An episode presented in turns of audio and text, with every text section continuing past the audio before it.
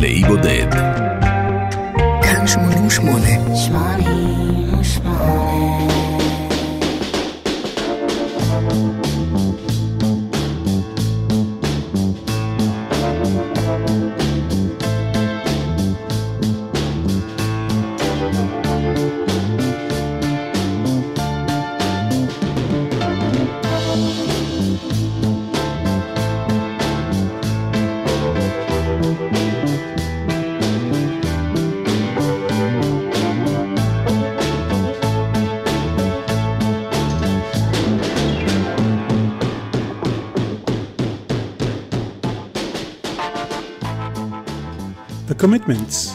סרט דרמה קומי מוזיקלי משנת 1991 שביים אלן פארקר.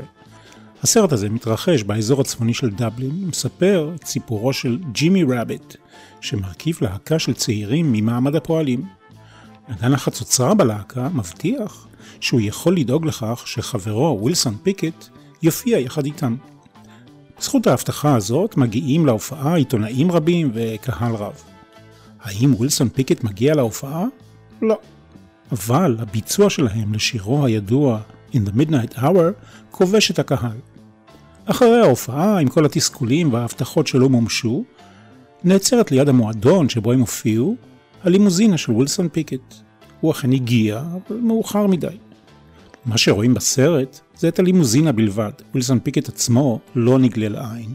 אבל ווילסון פיקט העניק לסרט הזה את הכבוד הראוי לו, כאשר הוא התייצב להקרנות הבכורה בלוס אנג'לס ובניו יורק. אני ראיתי את הסרט הראשון בסדרה, נהדר. אם יזדמן לכם, אל תחמיצו. זו המלצה שלי. אחריו, אחרי הסרט הראשון, באו גם שני סרטי המשך. ווילסון פיקט, אם כן, איחר להופעה ההיא, אבל לתוכנית שלנו הוא הגיע בזמן. אנחנו מהאלבום השלישי של מי שנחשב לאחד מעמודי התווך של מוזיקת הנשמה באמריקה. הוא הופיע ב-1966, והוא נפתח באחד מלהיטיו הגדולים, The Land of a Thousand Dances. אני מנחם גרנית, באו לרקוד. One, two, three. One, two, three.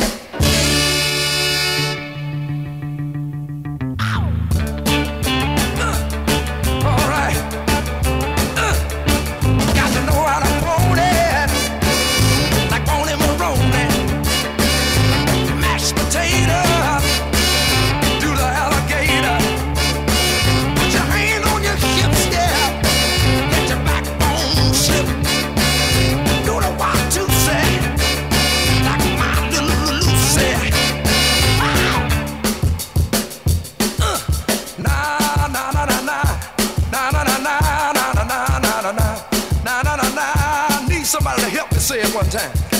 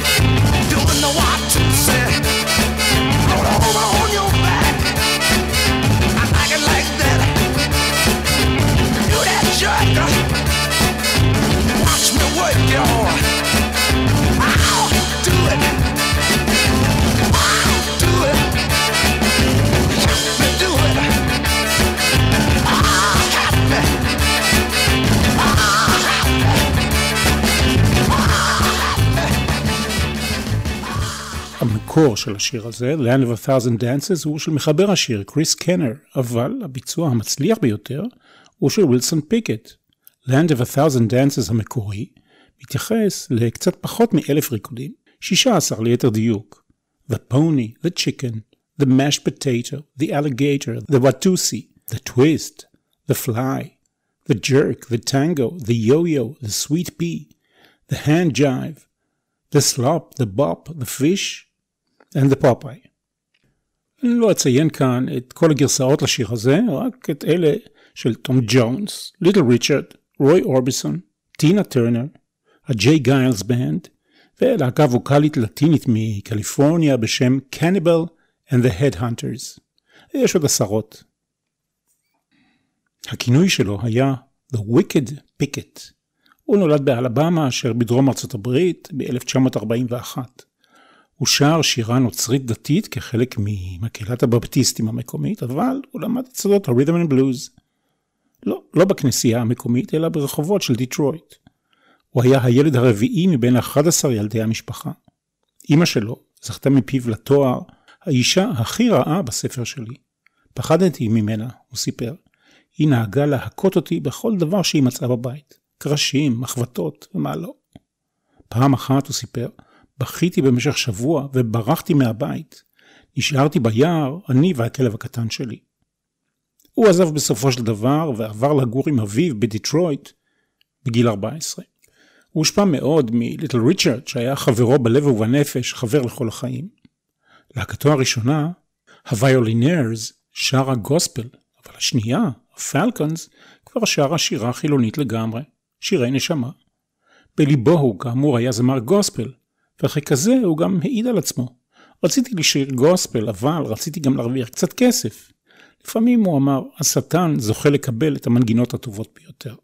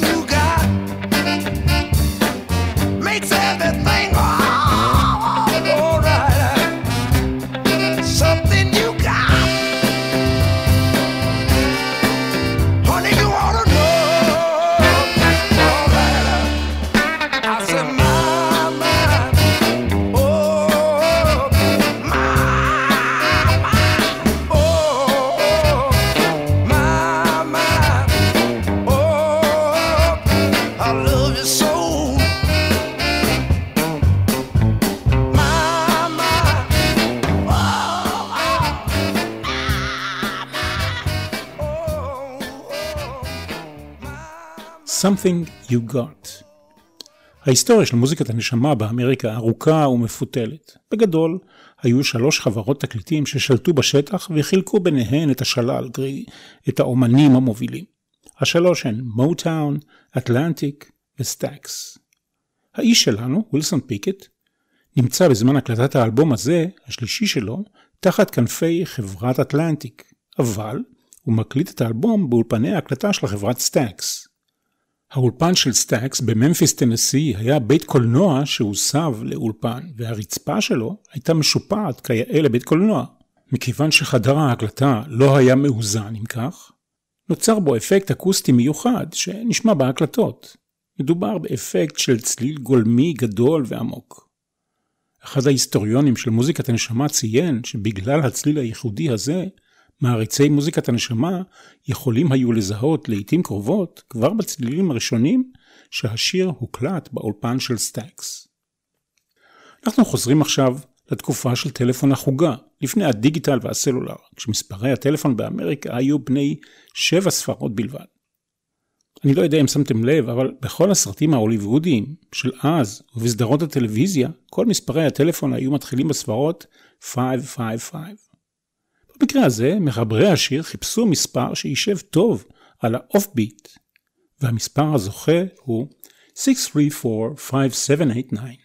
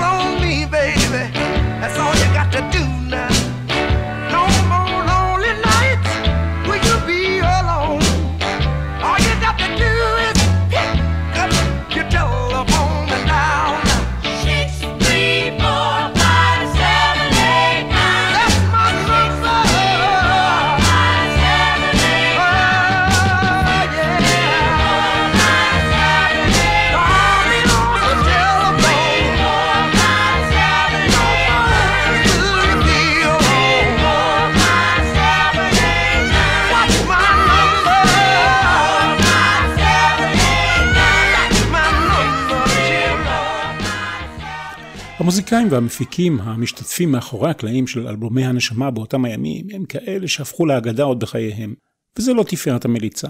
את השיר הזה חיברו אדי פלויד וסטיב קרופר.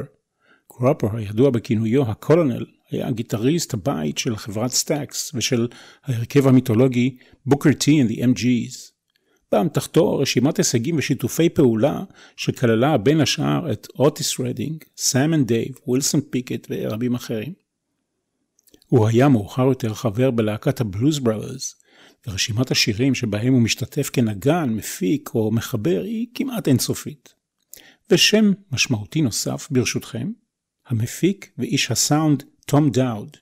כאשר תום דאוד הגיע לראשונה לסטאקס ב-1963, האולפן עדיין הקליט מוזיקה במונו. דאוד הציע מיד להתקין מכונה שתקליט בשני ערוצים. הצוות של סטאקס נחרד מהרעיון, מחשש שהסאונד הייחודי של סטאקס ירד לטמיון. מדובר כידוע בהבדל בין מונו לסטריאו. הוא הצליח לשכנע את הבעלים שאלבומי סטריאו נמכרים בכמויות יותר גדולות. ובקיץ 1965 הוא התקין מכונה שתקליט בשני ערוצים. ב-1966, תאמינו או לא, הוא שדרג את האולפן להקלטה על ארבעה ערוצים. האלבום הזה, השלישי של ווילסון פיקט, כיוון שראה אור באותה שנה, 1966, הופיע בשתי וריאציות שונות, כמו שהיה נהוג באותם הימים, במונו ובסטריאו.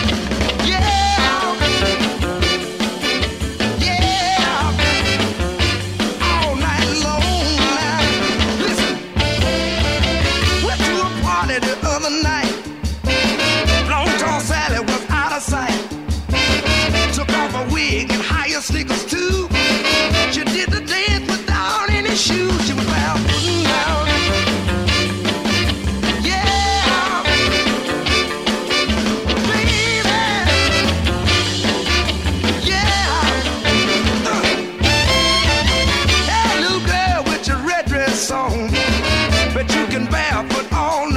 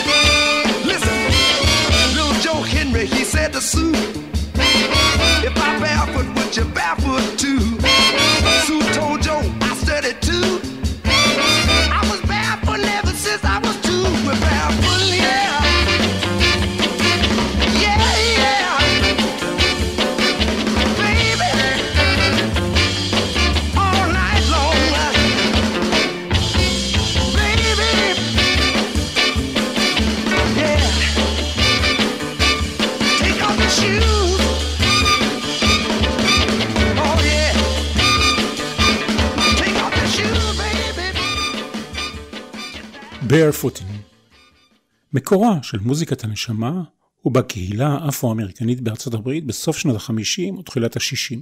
השורשים מגיעים כאמור מגוספל, שירה נוצרית דתית, ומ-rhythm and blues. תקופת שיא המודעות הייתה במהלך פעילותה של התנועה לזכויות האזרח באמריקה. הסאול הפך לזרם פופולרי ברחבי העולם והשפיע ישירות על מוזיקת הרוק בפרט, מוזיקה פופולרית בכלל. זו כמובן מוזיקה שמשקפת את הזהות האפרו-אמריקנית ומדגישה את החשיבות של התרבות האפרו-אמריקנית ואת התודעה שהתהדרה בגאווה של היותה שחורה. כאמור, אחת המטרות הלא מוצהרות הייתה להגביר את המודעות של האמריקאים השחורים למוצאם האפריקאי. אנחנו חופרים עמוק בתוך השורשים של מוזיקת הנשמה האמריקאית, ואנחנו מגיעים עכשיו אל השורשים של שנות החמישים של המאה שעברה. שם אנחנו מגלים את זמר הנשמה האמריקני דון קובי, שהקריירה שלו התחילה ב-1957. אבא שלו היה מטיף בפטיסטי, ועל פי כל העדויות הוא היה אפרו-אמריקני, ועל פי התמונות גם כן, אבל האם היו לו שורשים ביהדות? שם הבתולין של אמו היה הלן צימרמן. כך או כך, הוא כתב והקליט את השיר הבא שנתיים לפני ווילסון פיקט. מסתבר שכבר אז היו גרסאות כיסוי לשירים. עדויות נוספות מעידות על כך שבגרסה המקורית של דון קוביי ניגן ג'ימי הנדריקס לא פחות ולא יותר בגיטרה חשמלית. יש גם גרסה של הרולינג סטונס מתחילת דרכם. כאן המקום לציין שימי הזוהר האלה של מוזיקת הנשמה היו ימים של סינגלים ולא של אלבומים. במילים אחרות, קשה למצוא במוזיקה השחורה של אז אלבומים שעוטפת אותם איזושהי קונספציה ושיש בהם דגש על סגנון אחיד.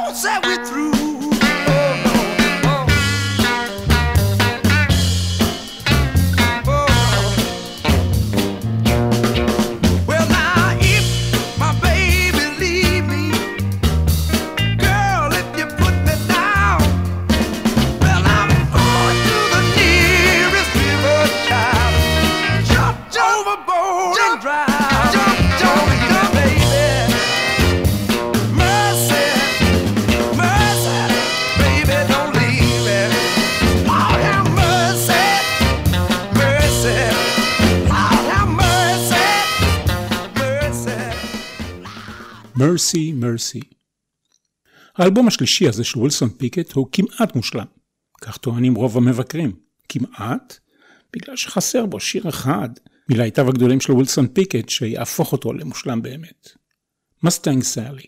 כיוון שאני חותר לשלמות, אני מרשה לעצמי ברשותכם לערוך עריכה חד פעמית לאלבום הזה ולהוסיף אותו כאן לתוכנית. וסיפורו של השיר הזה הוא כדלהלן. זמרת הג'אז והגוספל דלה ריס רצתה לקנות מכונית מסוג לינקולן קונטיננטל עבור המתופף ומנהיג הלהקה שלה ליום הולדתו. המתופף האמור טען שהוא לא רוצה רכב כזה מפואר, הוא מוכן להסתפק בפורד מוסטנג. המוסטנג היה אז חדש בשוק. כל הסיפור הזה, כאמור, הונצח בשיר.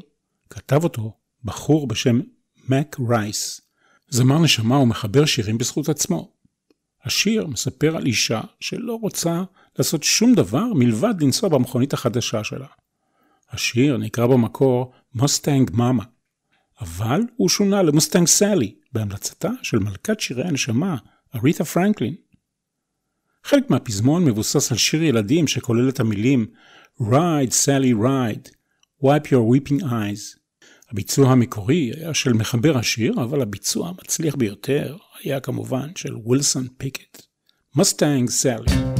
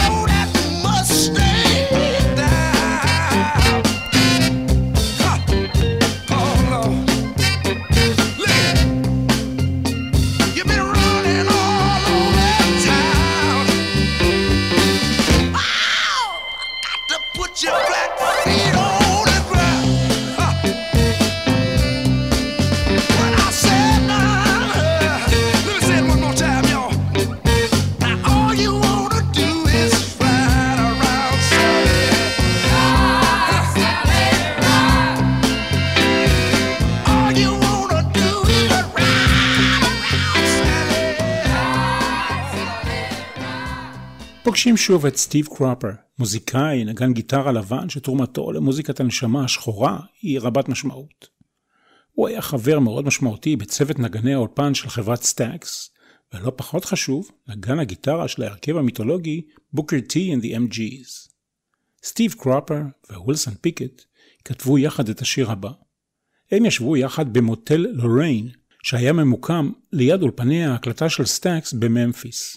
המוטל הזה נכנס לספרי ההיסטוריה כמה שנים אחר כך, כאשר ב-4 באפריל 1968 מרטין לותר קינג נורה ונרצח שם כשעמד על המרפסת.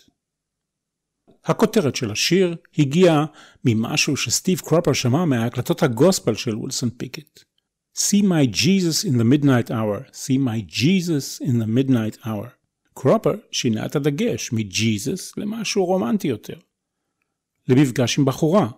הקו באותם הימים היה לא להפוך קשר שכזה למשהו סקסי, כדי בכל זאת לא להרחיק את קהל שוחרי הגוספל, למרות שמדובר בבחור ובחורה שנפגשים בשעת חצות.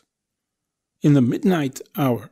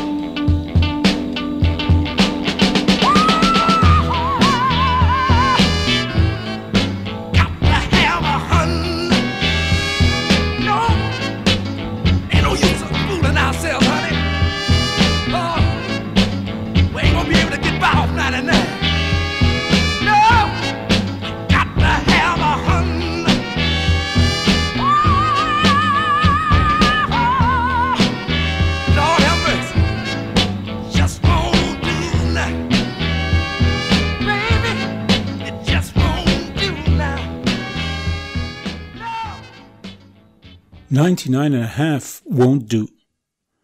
למרות מקומו הרם בפסגת מוזיקת הנשמה, החיים והקריירה שלו, של ווילסון פיקט, לא היו סוגים בהכרח בשושנים. ימי התהילה המשמעותיים שלו הם התקופה הזאת שבה שט האלבום שלנו, שנות ה-60 וקצת ה-70. האומנים שפעלו לצידו באותם הימים, ג'יימס בראון, אריתה פרנקלין ואוטיס רדינג, זכו לתהילה הרבה יותר גדולה. ווילסון פיקט עבר את שלושת העשורים האחרונים בקריירה שלו בלי אף להיט משמעותי. הוא הוציא כמה אלבומים, לא ממוקדים, שזכו לתשומת לב קטנה. ווילסון פיקט, כמו בן גילו ג'יימס בראון, נאבק מילדות בעוני נורא בדרום ארצות הברית, והשיג הצלחה מקצועית עצומה, אבל הוא לא ידע או לא למד איך להתענג על ההצלחה הזו כמו שצריך. בניגוד לג'יימס בראון, ווילסון פיקט לא טרח להמיר את המעמד שלו לטובת קידום זכויות האזרח בכלל, והאפרו-אמריקנים בפרט, או כל תנועה חברתית אחרת לצורך העניין. הוא חיפש ומצא בהצלחה המסחרית את התגמולים החומריים שהם הביאו לו. מכוניות נוצצות, בגדים מפוארים, בתים גדולים. כשהלהיטים הפסיקו להופיע, הוא הפך יותר ויותר מתוסכל, והמחצית האחרונה של חייו הפכה לסיפור עצוב של אלכוהוליזם, התמכרות לקוקאין ואלימות נגד נשים.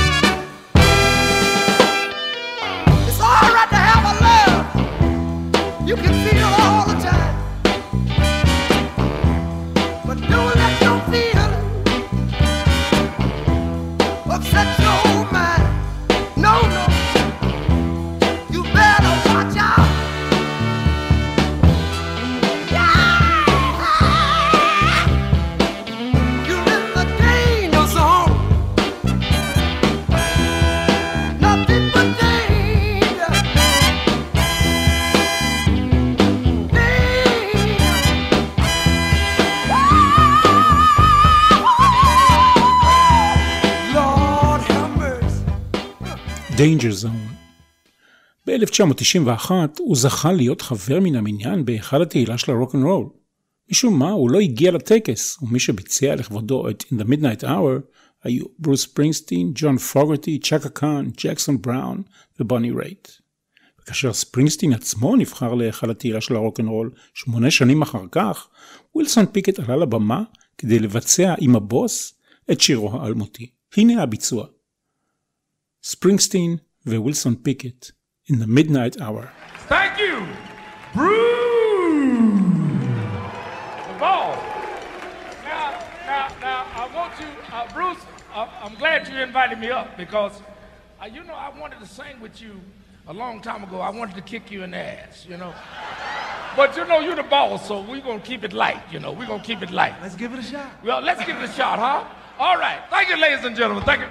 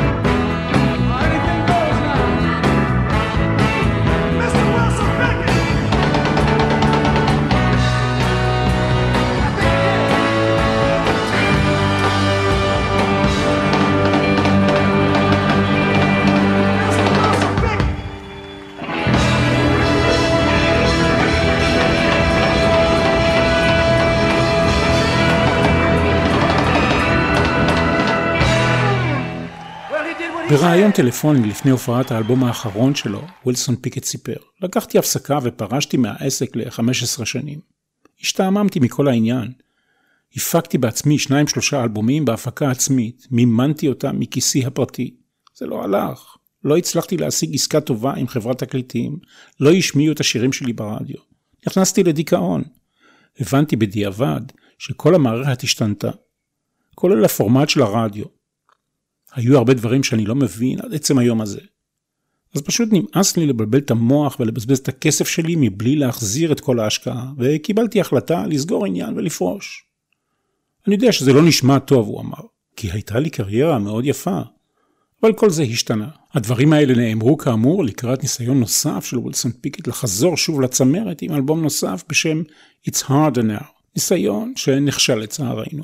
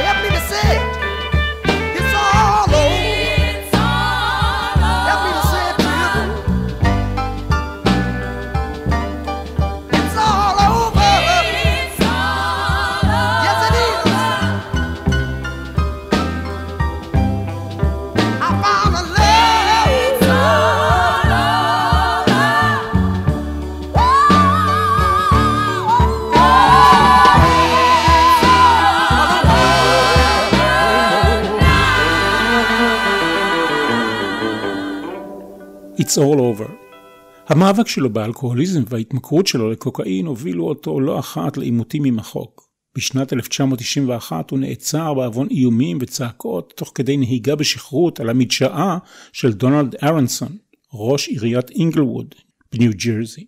הוא הועמד לדין על נהיגה בשכרות, סירוב לבצע בדיקת נשיפה והתנגדות למעצר.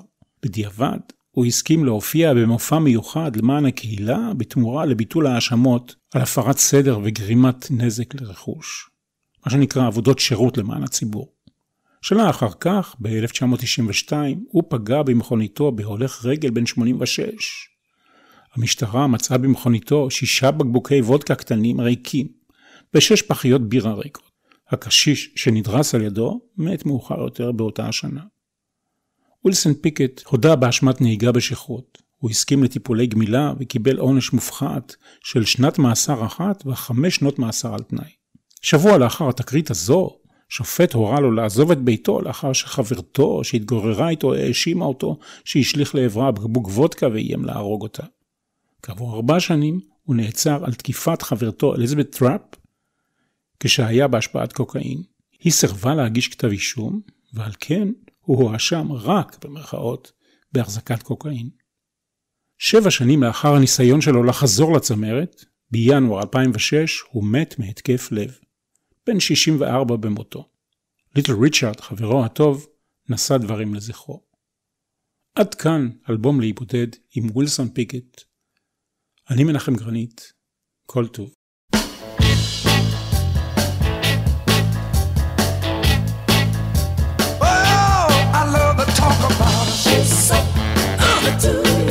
Cause she's so good. She's so good to Got to be out of sight to keep me uptight. So uh, listen to me.